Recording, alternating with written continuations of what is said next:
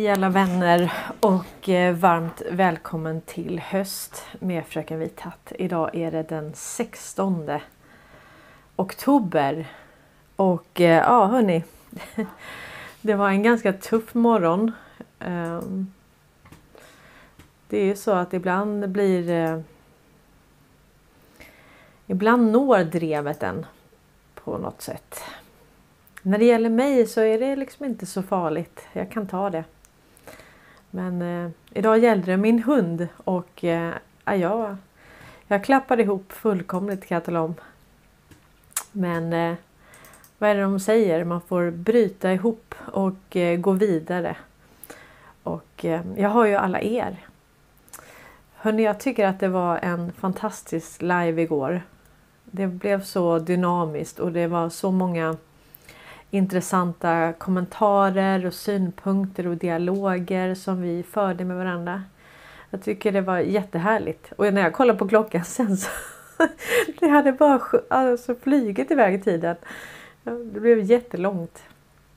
Men hörni, ni ska verkligen ha tack för allt ni gör och eh, tack för att vi gör det här tillsammans. Och eh, Ja, det är verkligen er som jag vill bygga ett samhälle med. Som genuint, som genuint bryr sig om eh, andra människor. Det känns jätteviktigt. Och hörni, det rullar verkligen dit det lutar. Nu på morgonen så har eh, regeringen hållit en presskonferens och ehm, det handlar om eh, det här med digitalt ID. Och på något vis så verkar det som att de har fått eld i baken. Ja, ni ska få höra här. Jag tycker att det här är väldigt intressant. Och vad han säger här också det är att Sverige är typ det enda landet i Europa som har en sån lösning att privata banker tillhandahåller BankID. Och vet ni vad? Det nya BankID kommer inte vara digitalt.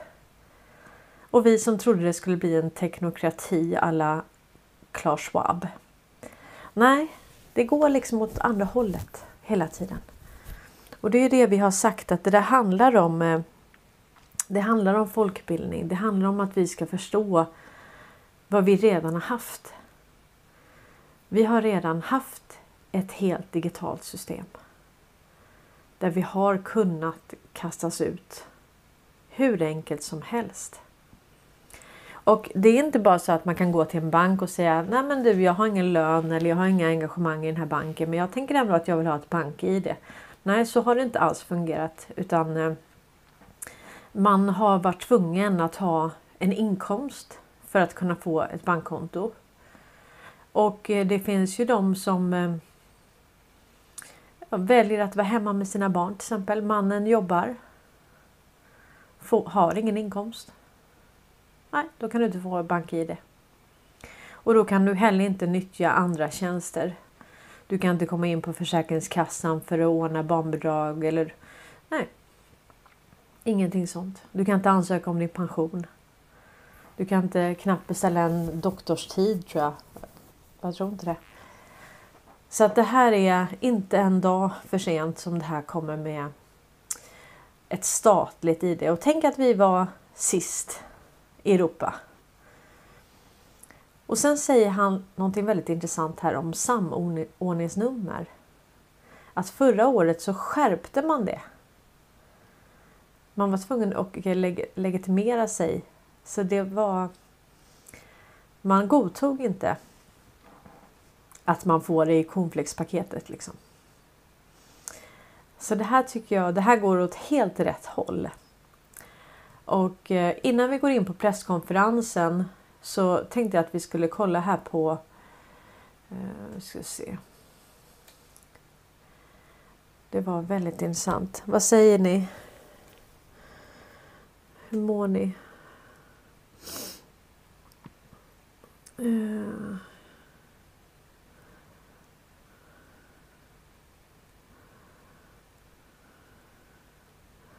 Det var ett intressant inlägg om... Eh, hade jag inte fört över det? Det var en eh, kvinna då som... Eh, här var det. Hon eh, tvättade pengar åt ett eh, kriminellt gäng.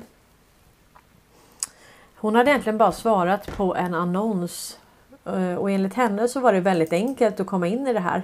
Men det var helt omöjligt att eh, komma ur det här då.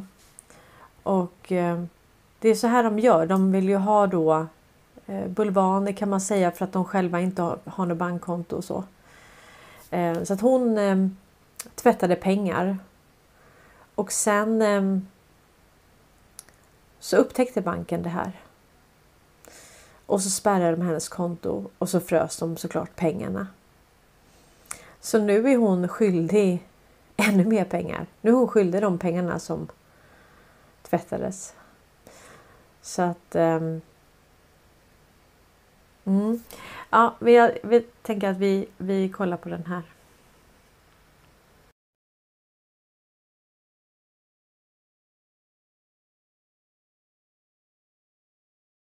Maria skulle tvätta pengar åt ett kriminellt gäng för att kunna betala av sina skulder. Men de satte henne i ännu mer skuld och nu hotas hon av gänget och håller sig gömd. Allt ifrån att de skulle döda mig, döda min familj på Snapchat, signal, Whatsapp. Förra året uppgick brottsvinsterna från bedrägerier enligt polisen till 5,5 miljarder kronor. Vinster som nu är större än narkotikahandelns och de kriminella gängen rekryterar personer, så kallade målvakter, för att tvätta bedrägeripengarna. Maria är en av dem. Hon tackade ja till en annons om Swish-överföring. Jag hörde av mig för att jag ville göra en banköverföring för att jag var i akut behov av pengar. Med instruktioner från gänget köpte hon guld för en del av pengarna och tog ut en del kontanter som hon lämnade över till gänget. Men resten av pengarna som fanns på Marias konto spärrades. Bankerna stängde ner för att de tog för lång tid. Sverige kan stänga ner det allt på en sekund till inte mer än två dagar. Samtidigt försvann det guld och de pengar som Maria hade tagit ut. Då satte gänget som organiserade penningtvätten Maria i ny skuld. En skuld som de vill driva in nu genom att hota henne. Så här står i ett av flera sms som hon har fått. Om du ej ringer mig nu, dina barn ska lida. Kolla bara, jag kommer att döda dig. Vänta bara. Nu gömmer sig Maria undan gänget. Att kliva in med huvudet i en sån här grej är väl lite enkelt. Det räcker med ett enda samtal. Och sen visste inte på kartan att dra sig ur. Maria heter något annat i verkligheten och vi har bytt ut hennes röst. Rosbeth Jalai, P4 Stockholm.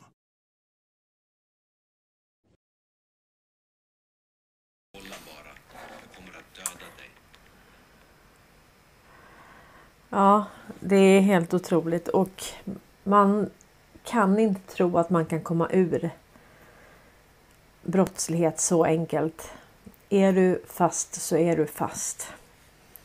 Och eh, jag har fått flera erbjudanden genom åren att eh, tvätta pengar åt alla möjliga och därför eh, jag tackar givetvis nej till det. Eh, och därför undvek jag också en hel del branscher. Det gick inte att gå in i vissa branscher för där var de, man visste liksom att det var svarta pengar och eh, det går inte att eh, hjälpa sådana med försäkringar eller finanser. Det är helt omöjligt. Då hamnar du, då hamnar du i klorna på dem till slut. Så att eh, det har jag aldrig gjort. Men eh, jag vet att eh, det är andra som har gjort det. Och de gillar försäkringsbolag av någon anledning. Jag har jobbat på två stora försäkringsbolag och eh, det, det gillar man liksom. För man vet att där kan man tvätta pengar genom försäkringslösningar då. Ja, jag måste berätta det. Vi hade till och med det här var ganska sent, alltså det här måste ha varit vad ska jag säga? 2012 kanske. Något sånt. 2011. Då hade SEB någonting som eh, vi kallade för ett slaskkonto. Jag kanske har berättat det här innan. Men det här slaskkontot det fungerade så att eh, Alltså det handlade ju om att det, det fanns ett fönster då man kunde göra självrättelser. Så hade man då gömt pengar utomlands eller man hade pengar som man inte hade redovisat. Så var det ett par år där som man hade Ja, man blev i stort sett lovad att inte bli åtalad om man då gjorde de pengarna synliga och plockade hem dem till Sverige. Men SEB hade sina egna regler. Ehm, det fanns det här slaskkontot då. Och ehm, då kunde man alltså Kunden kunde föra in pengar på det kontot och sen kunde det föras från, do, från det kontot in, alltså vidare då. Och eh, det där kontot som jag förstår det, jag jobbade inte på SCB så jag vet inte exakt, men som jag har förstått det så var det inget namn utan det var som en eh, jättestor bulk. Så att du förde bara in det, det kontot var liksom no name. Och ehm, då kunde du föra in pengar där och sen kunde du ta ut pengar därifrån och föra dem vidare. Och jag har tänkt så mycket på det där efteråt. Alltså man stängde den möjligheten sen men Alltså det där måste ju ha varit penningtvätt. Alltså det finns inget annat än att det, att det var det. Och tänk dig ändå så sent, alltså 2011, 2012. Däromkring. Det är helt otroligt. Alltså de, de här bankerna. De har haft sina egna regler. De har inte liksom följt våra regler. Och de har absolut inte följt lagar och regler i det här landet. Och det är nog inte bara SEB. Det är säkert de andra bankerna också. Men SEB var det som, det som jag vet. Då. Det är rätt intressant. Så det där, jag vet inte hur många år det där var med självrättelser. Och sen var det ju det här med, du vet, eh,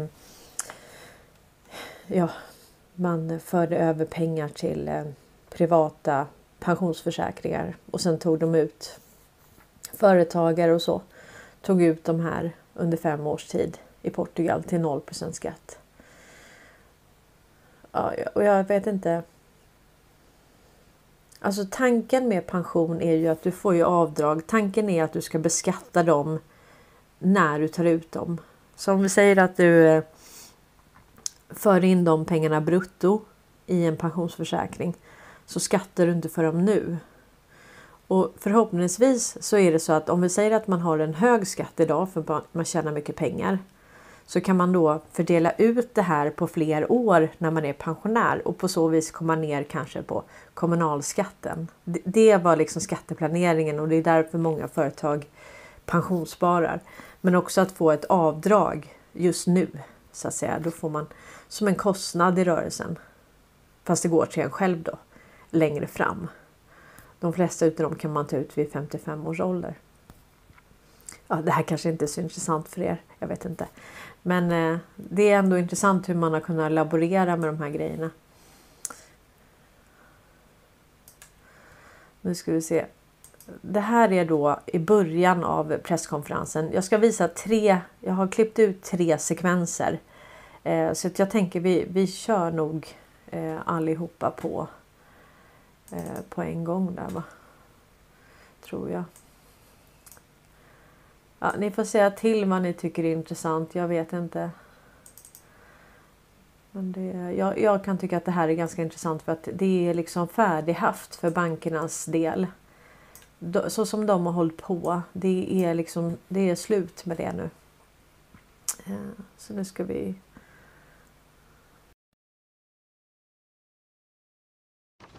Om vi ser då till att få till en statlig elektrifiering för så många som möjligt Eh, så eh, är vårt förslag då att den ska tillhandahållas personer som vid ansökan har då ett svenskt personnummer alternativt då ett samordningsnummer med personer för styrkt identitet. som inte är vilande förklarat. Eh, och det är en ny nivå för personnum, eller samordningsnummer som infördes nu i höstas, som är då den högsta nivån. Eh, och sedan också förslaget att eh, det, eh, man ska kunna få en statlig legitimation om man då fyllt eller under kalenderåret fyller nio år och den här åldersgränsen är kopplad till att digitala nationella prov då har man från och med årskurs tre. då man har behov av självständig elektronisk identifiering. Och sedan ska vi då ha en giltighetstid för e-legitimationen om fem år. Vi föreslår då också ett delat myndighetsansvar. Eh, utifrån våra direktiv så är det då Myndigheten för digital förvaltning, DIGG, som ska utfärda den statliga legitimationen. Eh, sedan så föreslår du att, att det blir regeringen som bestämmer vilken myndighet som ska ansvara för grundidentifieringen. Eh, men vi har bedömt då att Polismyndigheten och Skatteverket kan utföra det här uppdraget. Men att Polismyndigheten är bäst lämpad och det ser vi då dels kopplat till att här har vi Eh, en kort tid att arbeta med att få till den här lösningen och polisen har en väsentligt större närvaro i samhället vad gäller kontor med möjlighet att utföra en sån här grundidentifiering. Eh, de har stor erfarenhet av identitetskontroller och kan då som en brottsbekämpande myndighet bättre eh, motverka de utmaningarna som den identitetsrelaterade brottsligheten innebär i huvuddrag. Argument som vi bland annat framför då för att vi anser att Polismyndigheten är bäst lämpad för den här uppgiften. Och det kopplar också till vad vi kommer till sen när det gäller bäraren och eh, framtida utveckling av den. Eh, utformningen av e-legitimationen då.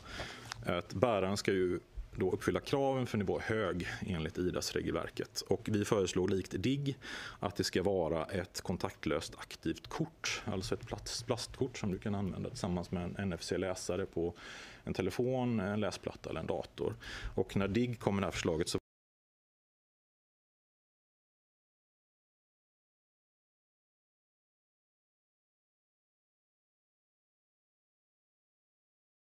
Jag råkar visst ta dem i lite fel ordning. Eh, G-strand skriver någonting om eh, ställföreträdarutredningen. Det har jag missat. Berätta gärna lite mer i tråden G-strand. Så kan vi ta det på eftersnacket imorgon också om du vill vara med en liten stund så hade jag varit jättetacksam för det.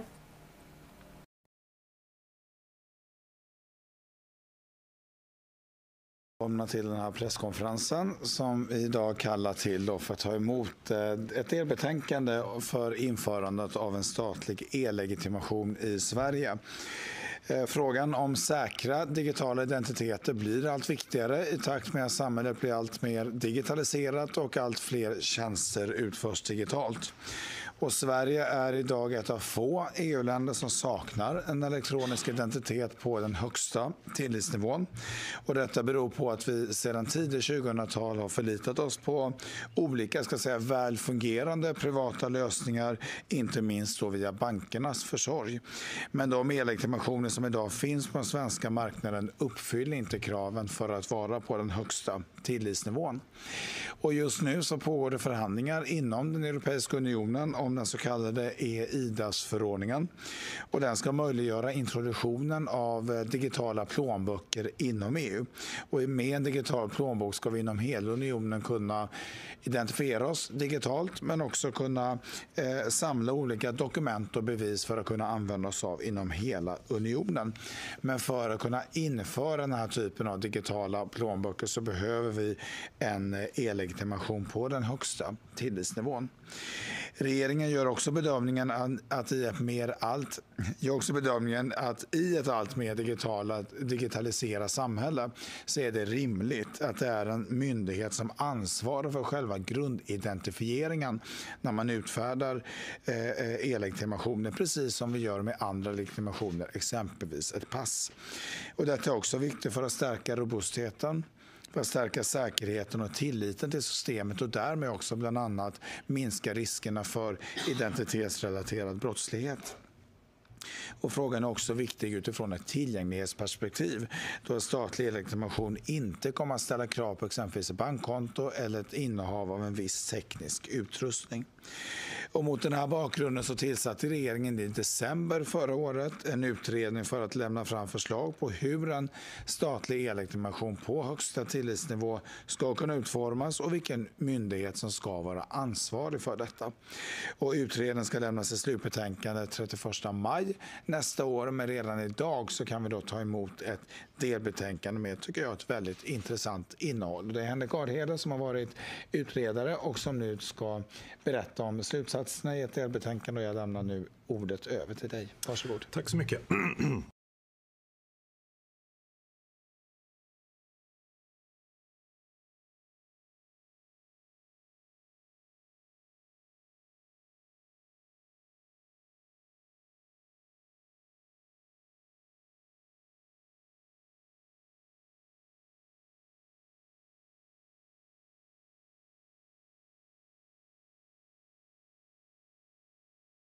Utformningen av e-legitimationen då.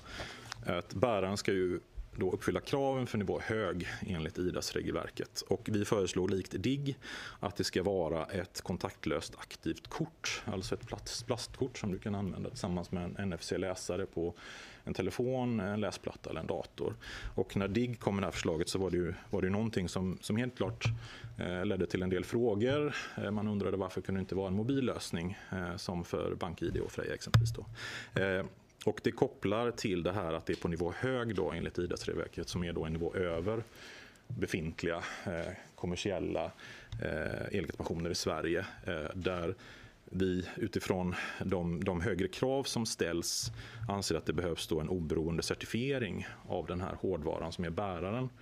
Och ska man ha det på en mobiltelefon så måste man certifiera varenda mobiltelefonmodell Eh, för att man ska kunna använda det. Eh, vilket är en ganska komplicerad eh, och invecklad process. Det finns exempel på andra länder som har mobila lösningar på högsta tillitsnivå men, men ofta finns det exempelvis som i Estland då, så är det inbyggt i simkortet så det finns alltså en hårdvarukoppling.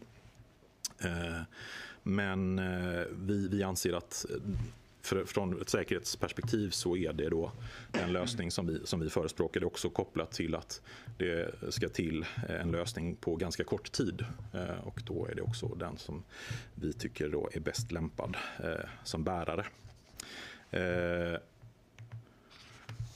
Och vi kommer tillbaka till bäraren för det är också koppling till tillgänglighetsperspektivet. Men först då så, så, så ska vi också då se till att vi anser då att den den här bäraren då ska innehålla ett lagringsmedium då som innehåller innehavarens ansiktsbild och fingeravtryck eh, i likhet med vad som gäller för pass och nationella identitetskort.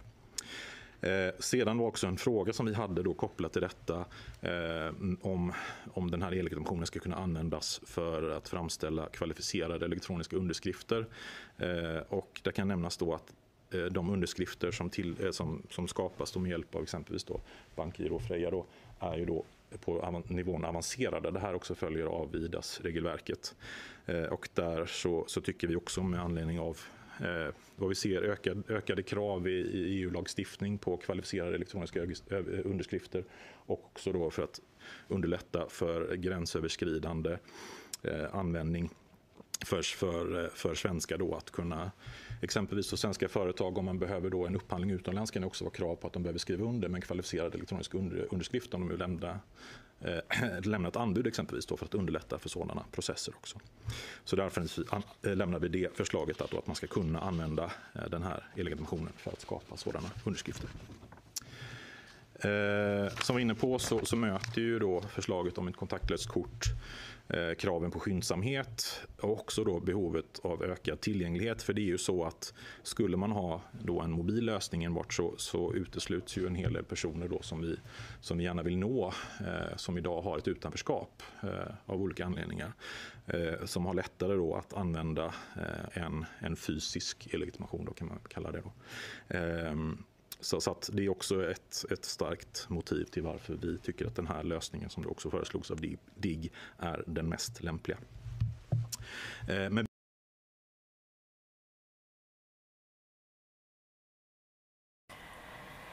Ja, det är väldigt intressant. Eh, G-strand skriver att NFC-systemet är en mycket säkrare lösning. Detta blir bra adjöss med flera identiteter och möjlighet att ta emot bidrag via fler identiteter.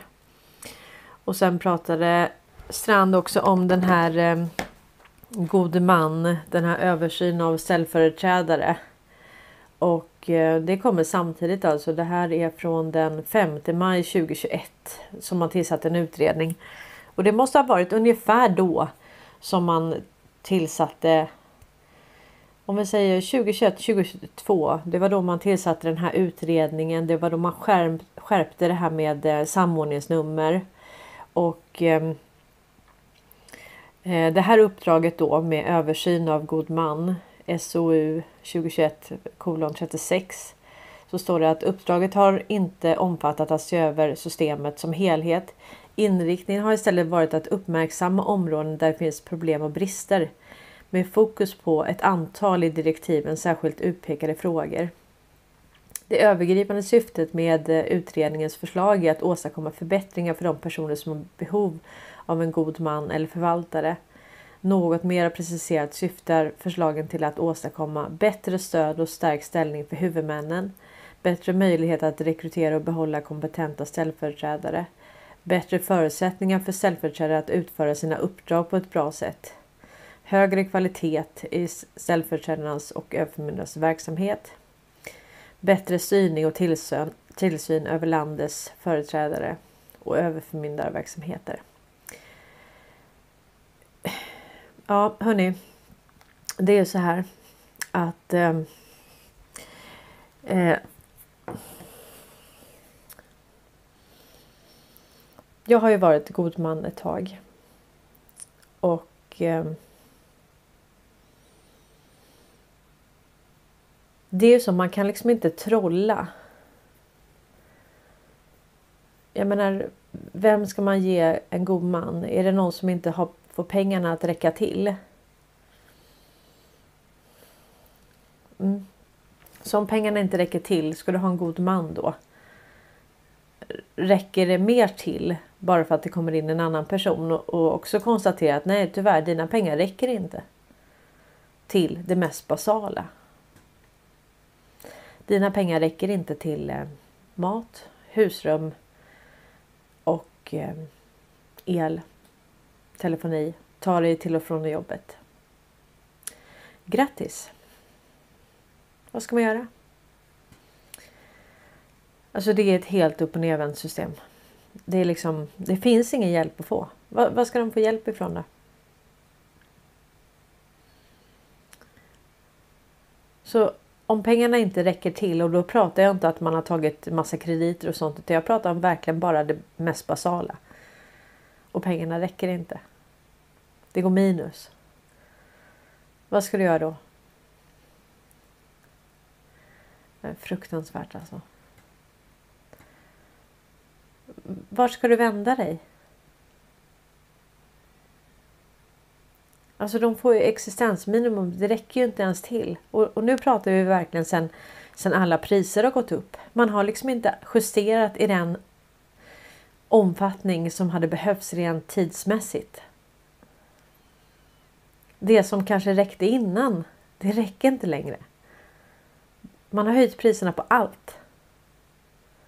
Men man har inte höjt ersättningen eller löner i den takt. Och det här gäller ju inte bara de som har god man, det här gäller ju alla. Det blir mer och mer likviditetsbrist. Det är liksom hål i plånboken. Pengarna räcker inte. Det är ingen god man som kan hjälpa dig med det. Det är ingen som kan hjälpa dig med det överhuvudtaget. Det är faktiskt så. Och det är ju så att man, nu är det ju nu har man kommit fram till, det har man väl kommit fram till hela tiden. Men det här med att eh, skuldsättning, vad, vad, det gör med oss. Alltså det här är, det här är ett av de vanligaste orsakerna till att par går isär. Familjer splittras. Det är oron för pengar. Och att man har olika syn på pengar. Olika värderingar kring pengar. Och att en kanske inte kan hålla i pengarna man bedövar sig på olika sätt med eh, spel eller porr eller ja, vad det nu kan vara. Men eh, mm.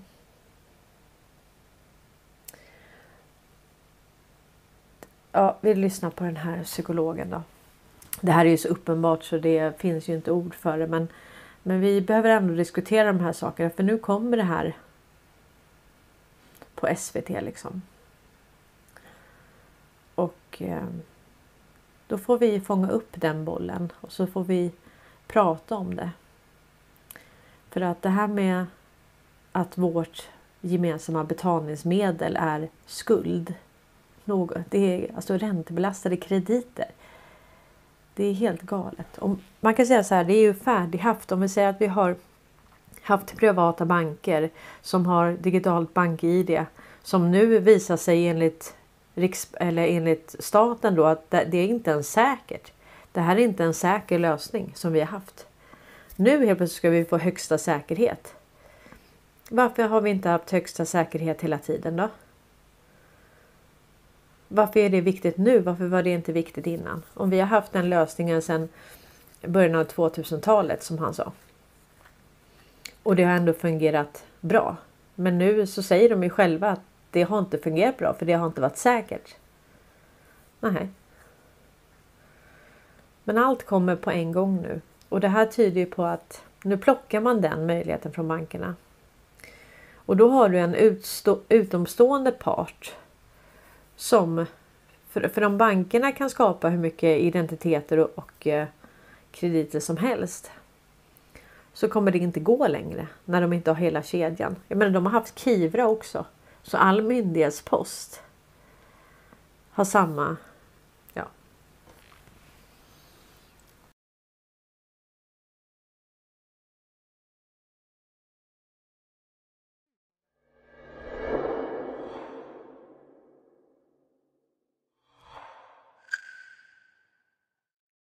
Ja, men eh, det är väl belagt i forskningen att ekonomiska problem är starkt förknippat med psykisk ohälsa. Exempelvis ångest, oro, depression.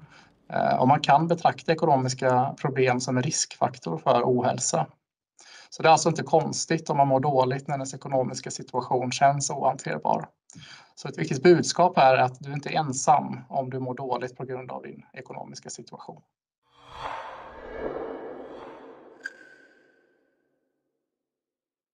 Att ha ekonomiska problem är inte sällan förknippat med både skuld och skam eh, och det kan såklart vara jobbigt att prata med andra om sin eh, situation.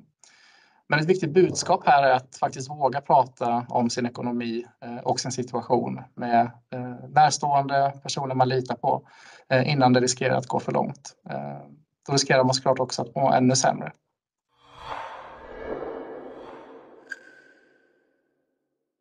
Ett annat viktigt budskap är såklart också att våga söka hjälp eh, om man mår dåligt över sin ekonomiska situation. För det finns hjälp i samhället att få. Eh, bland annat genom den kommunala budget och skuldrådgivningen. Men såklart också genom hälso och sjukvården, eh, exempelvis på vårdcentralen.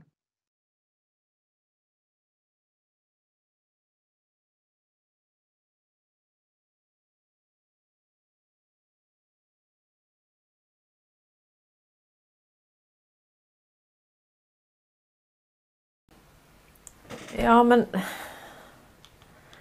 vad ska man söka hjälp med då? Om pengarna inte räcker till? Det är väl klart att det blir en jättestress i livet om du inte vet hur du ska försörja dig. Du har hamnat i skuld. Du har räkningar och sånt som måste betalas.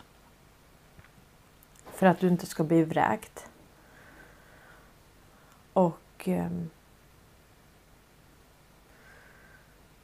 Alltså vi, vi har ju evig skuldsättning i det här landet. Alltså även om du säljer ett hus med förlust eller en lägenhet så har du ju kvar den skulden.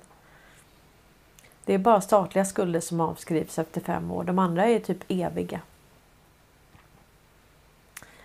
Eh, så det är klart att folk inte mår bra av det. Så vi Ja, vi kan inte ha det så här helt enkelt. Eh, Jonas Munterud skriver Hamas grundades av Sheikh Ahmed Yassin, inte av Israel. Ja, det, jag hade flera klipp på det där i, igår faktiskt och eh, det är, kommer från alla håll faktiskt att det var att det är ham, eh, Israel som har startat det.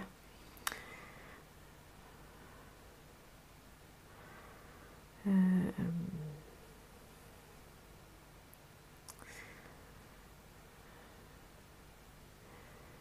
precis eh,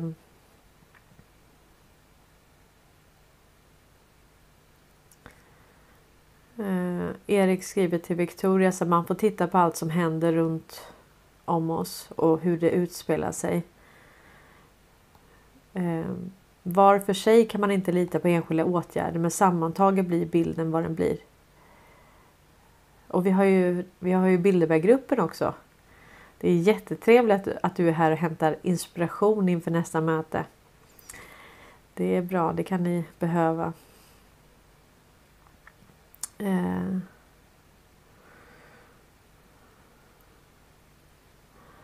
Ja, vi får se hur det här blir. Men jag menar en, ett banksystem på blockchain och eh, kvantdatorer. Det är alltså helt trans transparent. Det är, alla kan se allting. Så vi kommer få en helt transparent ekonomi. Och en vanlig människa som eh, inte har något att dölja har inga problem med det. Att det är öppet liksom. Så att, eh, och sen kommer det bli ett decentraliserat system. Så att eh, men transaktioner och så kommer vara helt eh, helt transparenta. Och det kommer ta ett tag innan folket kan förstå det och tycka det är bra. För man Alltså den här bristen och konkurrensen har ju lett till att folk tittar på grannen oh, nu köper han en ny bil igen. Oj, oj, oj. Och eh, det, det, är mycket sånt vi måste komma ifrån i det här. Det är liksom ett eh, ett gigantiskt folkbildningsprojekt som måste till för att vi ska ändra vår syn på saker och ting. Så att eh,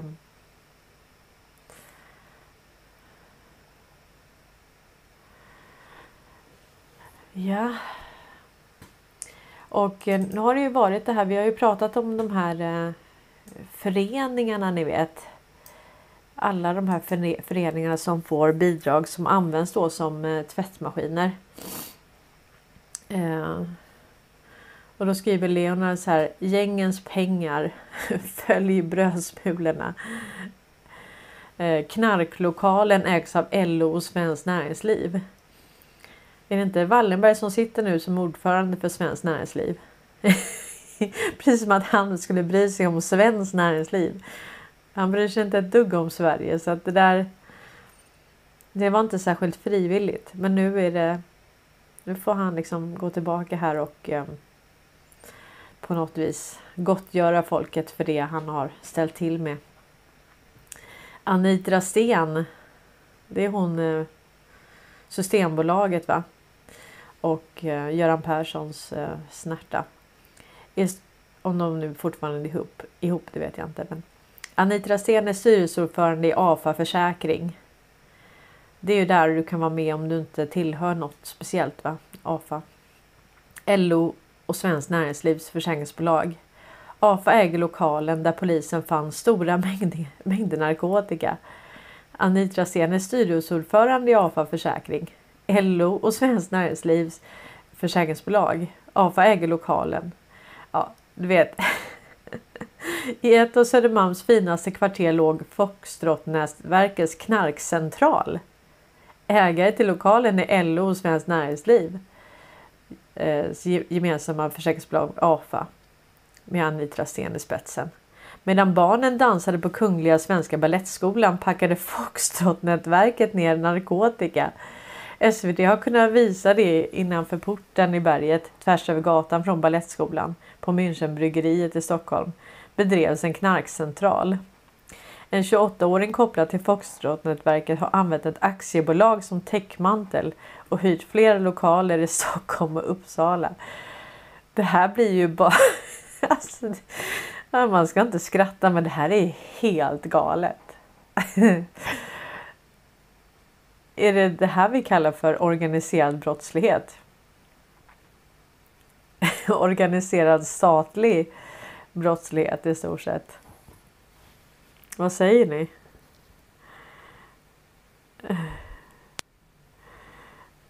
Hoppsan, what does the fox say? ja, vad säger, vad säger Foxtrot här? Helt galet alltså. Äh, man tror inte att det är sant. Jag vet inte hur man ska reagera på det här på bästa sätt. Men alltså. Vad vet, vad vet Göran Persson? Tänker jag.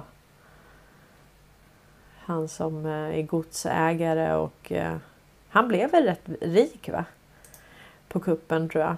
Jag tror han blev rätt rik. Av sitt eh,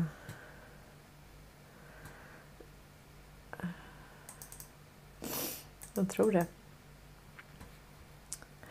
Och här har vi lite research då från eh, JPE Sui på, på Twitter. Eh, då visar han då att eh, det här är då en karta. map showing part of central Stockholm and the location Thule. Thule, det var ju försäkringsbolaget som var kan man säga alla försäkringar, alla försäkringsbolags försäkringsbolag. Thule försäkringar. Det var väl de som hade en samordning för hela Europa tror jag. Rätta mig om jag har fel. Eh, och då står det faktiskt att här står det faktiskt träsket. Jag vet inte om ni kan se. Ni ser va? Så här står det då. ja, det här är en finare då här har vi Klinda Foundation Stockholms Office. Här har vi Träsket 17. Det heter alltså så. Thule Skandia HQ. Eller heter det Träsket 17? Ja, men det gör väl det. Sveavägen 68, Socialdemokraternas. Och sen har vi då tidigare LM Ericsson. Och här har vi Timmermansorden, Secret Society. Här har vi gamla träsket då, Stockholm Historic Swamp. Swamp. Träsket, gamla träsket. Uh, ja, riktigt. Och sen skriver han så här. Det är rätt bra att uh, vi skriver så mycket på engelska nu så vi får med oss uh, de engelskspråkiga. Då står det gamla Thule Skandia högkvarteret. Eh, byggnaden. Eh, innehåller lika många våningar över jord som under jord. As above, so below. Och den här byggnaden är ihopkopplad med ett eh, tunnelsystem under Stockholm. Varav det mesta av det är klassificerat, alltså hemlighetsstämplat. När man invigde det här huset 1942 så innehöll den här byggnaden en av de största serverhallarna i världen. Den hemliga uh, The Secret Military Counter Invasion Organization Stay Behind. Så Stay Behind-rörelsen ska ha haft då sina lokaler i den här byggnaden också. Och det här är precis den Eh, eh, ja, den platsen i februari 1986 när man, där man mördade Olof Palme. Och eh, sen försvann då förövaren bara väldigt, väldigt snabbt. Och den här eh, mordutredningen är den största i världen och den resulterade i ingenting. Precis. Vad bidde det då? då? Det bidde ingenting. Det här är väldigt intressant. Här ser man hur, eh, hur man använder då försäkringsbolag och eh, föreningar för organiserad brottslighet. Och man kan ju säga att eh, de här försäkringsbolagen och försäkringsbolagens, alltså Skandia är ju nu ett försäkringsbolag också. med Thule då. Det är ju väldigt smidigt att veta. Då får man ju reda på precis var, var alla tillgångar finns. Och har man då tillgång till banksystemet också så vet man ju precis. Och då är det läge att skaffa lite hållhakar på, på dem då helt enkelt. Så att... Um, ja, nej, jag har inte ord alltså. Och eh, apropå nu att eh, det rullar dit det lutar så kan man säga att eh, det här blev, det här är en viktig, det här är ett viktigt signalvärde i det här som ni delade igår. Jag tror att det var Marit också som delade det i, eh, i länken där. Så. så att eh, då står det så här i DI då att tungviktarna ger bort sin digitala offensiv till staten. Familjen Wallenberg och Caroline Berg ger bort sin digitaliseringssatsning till svenska staten. Efter fem år av samverkan mellan näringsliv, offentlig sektor och fackförbund tar myndigheten PTS över temadagen Digital dag som ska minska klyftorna i det digitala kunnandet. Och det här är, det här är viktigt för att det här tyder ju på att ja, men det vi har pratat om. Att ehm, ja, Ericsson kommer delas upp i 184 bitar. Varje land kommer ha sitt eget och det kommer inte skötas av privata vinstmaximerande företag utan det kommer skötas av staten under folket. Så helt transparent under folket och man, som sagt, man kan banta det här antalet myndigheter. Alltså du behöver inte ha en hundradel knappt utav det vi har. Om vi fortfarande har 400 någonting myndigheter. Alltså, vad kan vi behöva? 10 stycken. Infrastruktur, alltså lite vägar och sånt och sen lite skola, polis, eh, banken, lite utrikespolitik. Ja, vad behöver vi mer? Vad gör alla dessa myndigheter ens? Så det här är... Och det här är nog inte heller frivilligt som man ger bort. Man, man lämnar över taktpinnen och det här är också sen Oskar Stenström. Ja, började på jobbet hos eh, på sitt toppjobb hos Wallenberg. Och eh, han är ju då tjänstledig från utrikesdepartementet fram till februari. Så vi kan väl räkna, räkna med att fram till februari så ska det här vara färdigt. Då ska det vara sålt, överlämnat till statlig regi.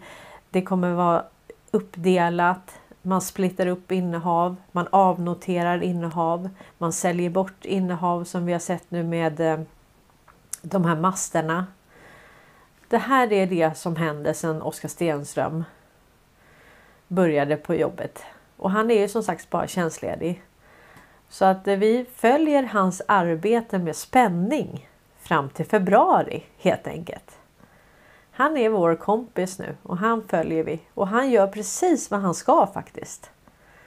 Jag tror ju att han är eh, eh, Han är ju med i den här kontinuitetsregeringen och han är kan man säga utlånad eller uthyrd eller eh, ditsatt för att eh, lösa upp de här frysta tillgångarna som Wallenberg har. Det är min teori. Vi får se vad som stämmer. Men vi följer hans arbete fram till februari i alla fall. Superspännande. Eh, Erik Heiser skriver Thule Försäkring AB grundades av Sven Palme. Vi kan göra så här som ni ser. Eh, Sven Palme och ingen annan. En annan släkting, Voldemar von Knerem, tog hand om patenten för IG Farbens räkning här i Sverige. Eh, Joakim skriver, ja det var väldigt eh, här. Jag bara lägger den kommentaren där. Eh, väldigt intressant. Eh, Cellulona säger vet eh, Dan Buska gjort på eng artiklar på engelska om Skandia. Skandia och Thule. Thule blev sedermera Skandia precis. Eh, men jag tror att Folksam köpte en del också. Ja precis. Alltså det blev ju. Först var det Old Mutual. Jag jobbade ju där då. Eh, va? På 60-talet jobbade min pappa på Thule. Sen blev de Folksam. Alltså. Det kan hända att en del gick till Folksam faktiskt. Jag har jobbat där också. Som av en händelse. Men eh, man kan säga att Thulehuset det, det är ju Skandiahuset. Och eh, de blev ju sålda till ett sydafrikanskt bolag som heter Old Mutual. Eh, och de har ju varit börsnoterade också i eh, då och då. Nu är de ju inte det. Och nu är det ehm, nu har man köpt tillbaka dem från det här sydafrikanska bolaget då. Så nu är det i svensk. Så själva Skandia Livförsäkrings AB det är ju ömsesidigt ägt, ägts av kunderna. Och det är också en konstig, jättekonstig ägandeform. Det är ju lika med Folksam och vissa utav eh, Länsförsäkringarnas bolag. Inte allihopa för de har ju franchise så jag tror de har 16 bolag och många utav dem är aktiebolag. Så att eh, ofta gör man då en, en, eh, en blandning så att säga. Men eh, ja, och sen har ju Länsförsäkringar har ju franchise också så att de, de eh, hela Länsförsäkringen är inte ömsesidigt kundägt. Eh, nu ska vi se. Vad skriver ni mer? Huh. Um. Då står det så här. Eh, Viktor Cederholm skriver Johan Karl Voldemar von Knerem. Född den 1 augusti 1849 i Murmusa. Eh, i Livland, i kejsardömet Rys Ryssland. Och eh, död 14 januari 1935. Ja, intressant. Ja, det är jättebra att ni... Eh, Göran Strand skriver Swedens form, former prime minister Olof Palmes grandfather. Så hans eh, farfar eller morfar vi har ju så dumt i svenskan för vi har ju farfar och morfar. I eh, andra språk har de ju grandfather. Likadant i spanska så har de abuelo, abuela. Men då kan det vara materna, abuelo, materno. Eller ja, materna eller paterna. Men eh, Sverige har vi i alla fall väldigt konstigt. Vi har mormor och farmor. Eh, och då var ju han då Voldemar von Knerem. Han var då Olof Palmes eh, morfar eller farfar. Och han... Jag skriver här. Han utbildade Hitlers eh, ideolog eller biolog, rasideolog Alfred Rosenberg. Intressant. Ja, nu är ni i full gång alltså. Det är det här som är det roliga. Eh. Erik skriver, jag tror att Skandias företagsdel såldes till Folksam. Nej, det gjorde faktiskt inte det. Jag tror att Skandias företagsdel såldes till Trygg-Hansa. Jag är ganska säker på det. Eh, men det kan ha gjort det i flera svängar. För att jag vet att Folksam, ha, eh, Folksam Nej! Folksam hade sålt av sin företagsdel till Trygg-Hansa. Så var det. Ja, men då är det mycket möjligt att Folksam köpte Skandias företagsdel. Och sen sålde man allt det till Trygg-Hansa. Jag tror att det var 2003. Något sånt. Eh.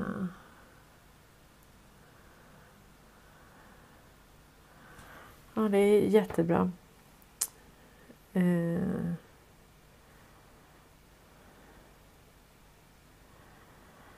Och sen står det ju då att eh, Olof Palme och, och Bilds släkt eh, var nära varandra. De stämmer, de umgicks även på Särö där de hade sommarviste. Morfar var det, Voldemar von Knerem. Eh, hade slått på Balkan. Eh, mm. Ja, intressant. Ni ser vilket arbete vi utför tillsammans här. Det finns så mycket kunskap i våra led så det är helt otroligt. Och eh, det finns mycket att gräva på när man, när man ser de här kopplingarna så, så är man inte så... Ja, då ser man då hur det går. Nu ska vi se. Och sen det vi pratade lite om här med, med Gaza. Eh, vi pratade om den här tjejen som hade då för 25 år sedan bevakat då den här gränsen. Eh, och... Eh, nu ska vi se.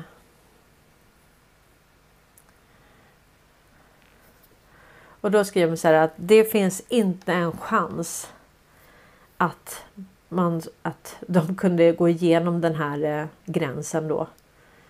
Eh, mellan 8 och 26 timmar innan eh, Israeli Defense Forces, alltså, alltså Israels militärförband kom. Det är och så är det då en tidslinje här. Alltså det här är, det här är den mest bevakade eh, linjen, alltså gränsen som finns. Så att, att de skulle kunna...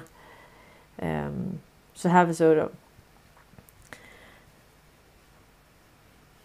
Här var det då i Niros så var det sköt dem Och folket fick vänta 8,5 timme för att bli räddade.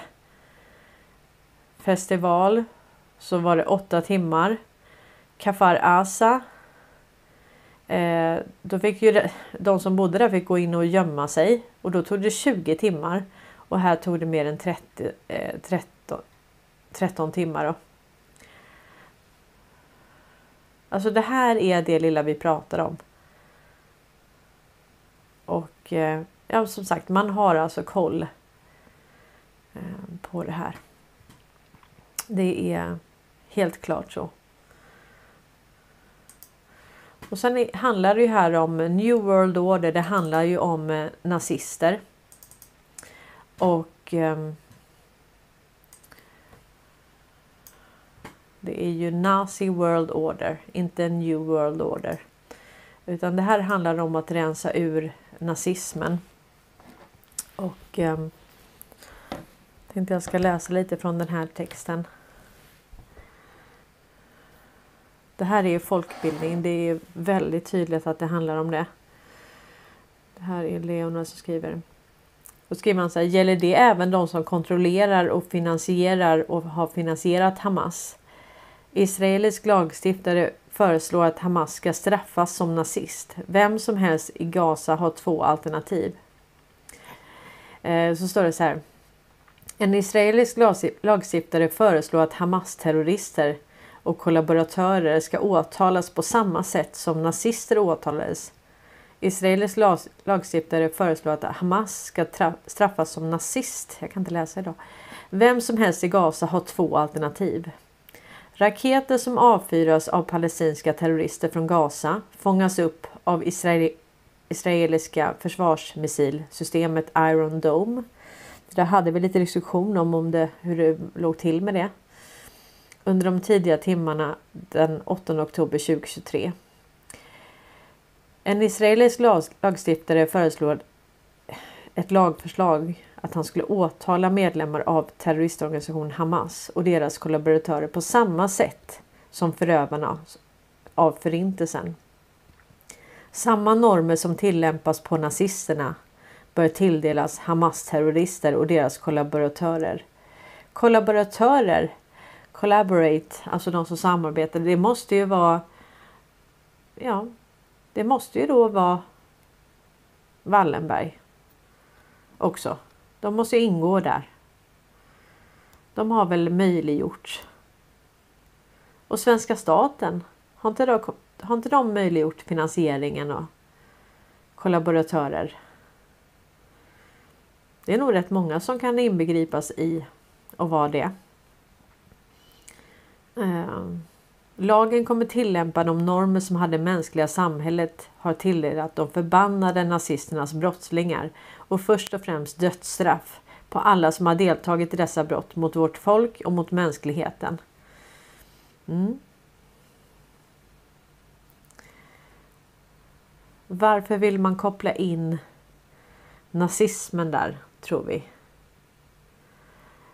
Jag tror att man vill peka på att kollaboratörerna, de som har möjliggjort det här, är nazister. Och det är därför man för den, den retoriken nu. Jag kan ha fel. Gaza är fyra mil långt. Eh. Bilderberggruppen, vad, vad har du gjort nu? Eh.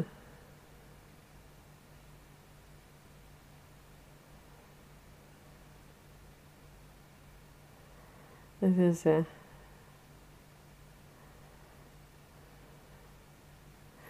Ja, du skrev, vad var det du skrev där? Att eh, jag råkar som på ett bananskal ha skaffat barn med två kvinnor som har pappor som var vice vd på försäkringsbolag som försäkrar försäkringsbolag. Båda barnens olika morfar har gått bort. Jaha. Ja, det är sån... Eh, eh, vad heter det? Det är såna som... Eh, det heter återförsäkringsbolag men det finns ett annat ord som vi brukar använda. Det är sådana... underwriters. Precis, underwriters är det. Underwriters är de som återförsäkrar försäkringsbolag. Ja, tror jag. Det kan nog vara bredare än så men eh, jag tror att det är så. Eh, Micke Hamrén skriver Hur tusan ska man hitta rätt om man gör en crosscheck? Var hittar ni riktiga fakta?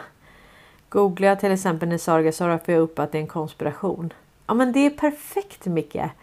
Det är så här om du får upp att det är en konspiration eller du blir faktagranskad. Då tyder det på att du är väldigt nära bollen. Du vet faktagranskarna sa ju att eh, Hunter Bidens laptop var rysk desinformation. Och det visade sig att det var inte det alls. Så att det borde vara en fingervisning. Men var du hittar rätt fakta det, det kan jag visa dig. Det finns massa länkar och det är ju det är egentligen eh, länkar från eh, eh de länkarna vi använder är ju kongressdokument. Det är dokument som Q har pekat på. Det finns jättemycket nu och det jag visade igår om eh, de här nya eh, lagarna kring beskattning i USA. Där man tar bort federal skatt helt enkelt. Det är också, man får, man får följa pärlorna, man får liksom, men bara, bara googla sig till saker.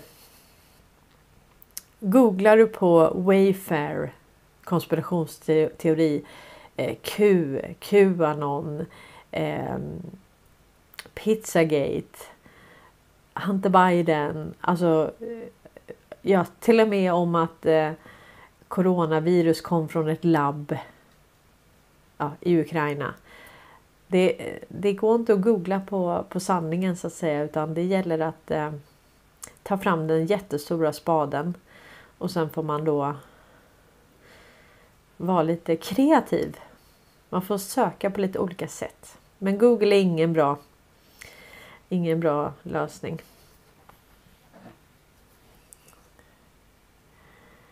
Eh. Erik Heiser skriver titeln Underwriter är egentligen bara en yrkestitel för en person som tecknar avtal för försäkringsbolagens räkning till kund. Titeln kommer från Lloyds i London. Ja men precis, alltså det, det kan vara det. Det kan vara alltså om vi säger att du vill skapa en ny eh, gruppförsäkring. Du har ett kollektiv. Säg att vi skulle skapa en försäkring för alla vakna. Eh, då kan vi säga okej, okay, vi, vi är den här gruppen och vi vill eh, skapa en försäkring för våra medlemmar. Då kan man gå till en underwriter eh, som kan skapa då en lösning. Eh, så att jag jobbade med försäkringar och då fick jag kontakta olika underwriters. En stor underwriter i Sverige har varit eh, Söderberg Partners till exempel. Då har de kunnat skapa den typen av lösningar. Men det har också funnits som du säger Lloyds, det har funnits i ja, lite runt om i världen. Så att eh, mm. eh.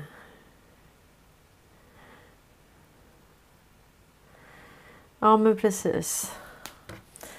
Och sen eh, apropå det här med eh, fake news. Ja, men det är bara att titta på egentligen eh, Eh, det här med eh, Ukraina och vad som sägs där. Så att egentligen är det så här att då, då man riktigt kanske ska förstå att man är någonting på spåren. Det är om det står att det är en konspirationsteori. Då är man liksom då är man någonting på spåren helt enkelt. Så eh, Jag tänkte vi ska lyssna på McGregor här. Det här är G Strand som finns i kommentarsfältet här som har delat. Och så skriver han så här. Sanningen var, är att Ukraina var ett instrument för att attackera Ryssland. Eh, målet var att skada Ryssland, förstöra Ryssland och ändra Rysslands regim. Det här är en humanitär katastrof. Det är ett brott mot det ukrainska folket. Och det är precis så att det ukrainska folket, alltså de, frågan är de, de har inte levt i en demokrati.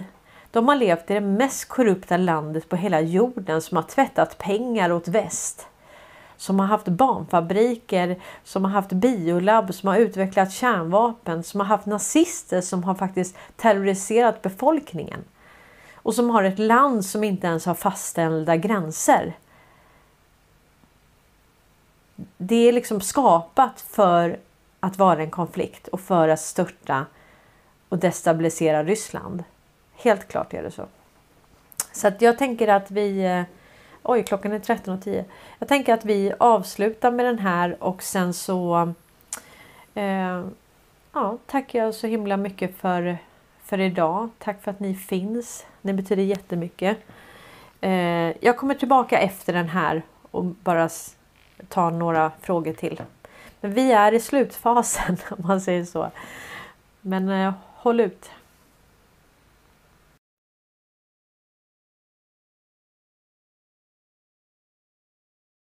was something somebody much higher up must have given to him in the past uh, through his hands. Will we ever know the truth? Well, remember that from the very beginning, uh, even though it was never stated categorically, there was never much interest in Ukraine per se. Ukraine was simply an instrument with which to attack Russia. And the goal was, quote unquote, to harm Russia, destroy Russia, change Russia's regime, its government, uh, depose uh, Mr. Putin. In other words, if you look carefully, from your standpoint and mine, this is a humanitarian disaster. This is a crime against the Ukrainian people, not just against us and the people that live in the NATO countries. But I don't think that's important to them. These are ideologues, whether it's Blinken or Newland or Sullivan or any of the people that are on the NSC staff. Their goal has been accomplished in their minds to some extent. Well, we've harmed Russia. Now, the truth is they haven't. Russia's stronger than it's ever been. Its economy hasn't suffered. It's now built back to where it was 30 years ago. Only its its forces better, better equipped, better manned, better commanded, better led. So it's backfired. It's been a disaster. And we've probably destroyed NATO. With each passing day, look at France. Look at the look at the troubles on, on the streets in France. If anybody thinks that's exclusively about pensions, they're daft. The truth is that Europeans are unhappy with all of this.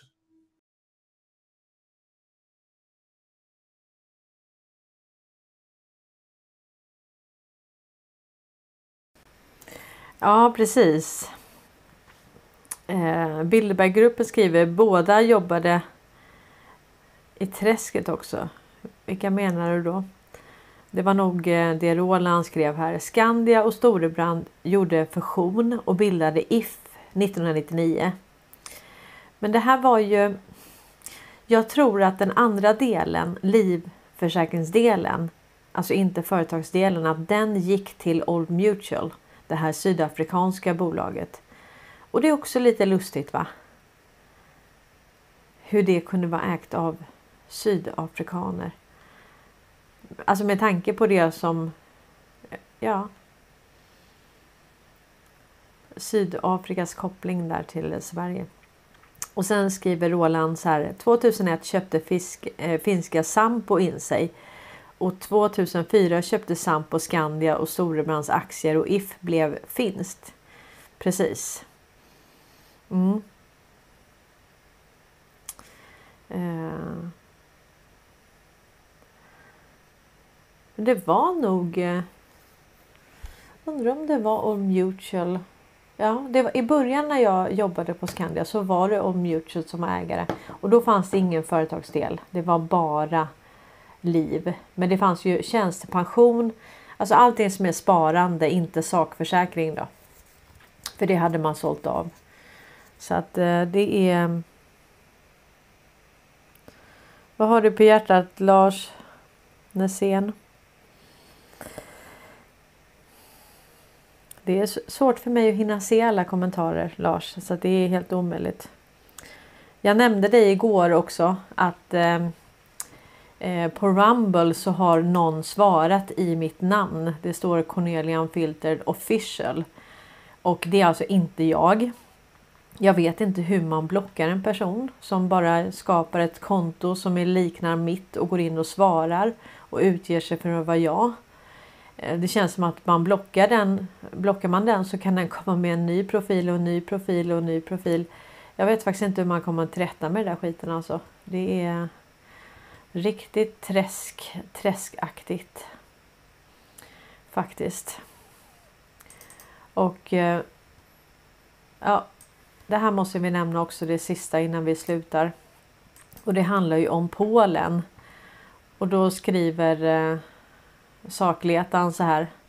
När en sittande premiärminister och en oppositionsledare samtidigt utropar sig som segrare kan man då misstänka att ett valfusk är på gång? Eller är det bara den svenska syndafloden som drabbat den polska riksdagen? de polska op oppositionspartierna fick tillsammans mer än hälften av rösterna i söndags, söndagens val enligt vallokalsundersökning från Ipsos. Om siffrorna stämmer får, får borgerliga medborgarkoalitionen och dess tilltänkta allierade 248 av 460 platser. Nationalkonservativa Lag och rättvisa, PIS, beräknas få 200 platser. Både premiärministern och oppositionsledaren har utropat sig själva till segrare. Ja, bara 54 visningar på det inlägget. Det är ju synd alltså. Men nu visar jag det så kanske det får lite mer visningar här. Här tycker jag är riktigt eh, intressanta tankar från sakletaren. Eh, ska vi se.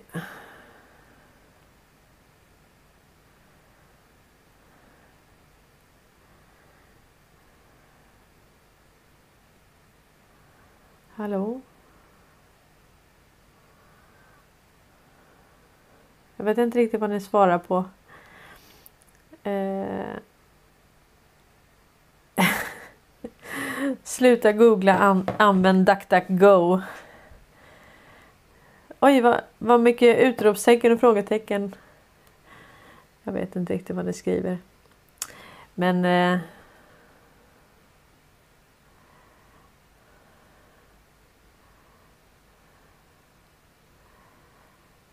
Ja. Tack så mycket för idag hörni. Vi ses igen imorgon klockan 12. Eh, och sen efteråt så kör vi eftersnack på Twitter, X. Och eh, det visar sig att eh, om man ska skapa ett Twitter eller X-konto så är det tydligen en viss tid som man måste ha haft kontot innan man får börja prata i Space. Och det är väl egentligen bara för att som en säkerhet att man inte bara ska kunna starta konton och sen gå in och, och eh, ställa till det liksom. Så att det hade varit jättekul om ni ville vara med. Starta gärna kontot innan då. Och sen så kan ni vara med. Jag vet att några av er har startat kontot och kommer nu då kunna vara med och prata för att ni ser ju när vi utbyter tankar, eh, kunskap, research som jag gjort och så. Det är då vi kommer framåt. Eh.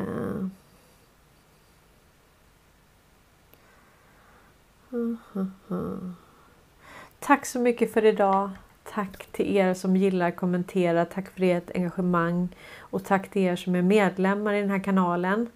Det är ju en del av er som är det. Och eh, tack till er som stöttar mitt arbete på, med gåvor på Swish.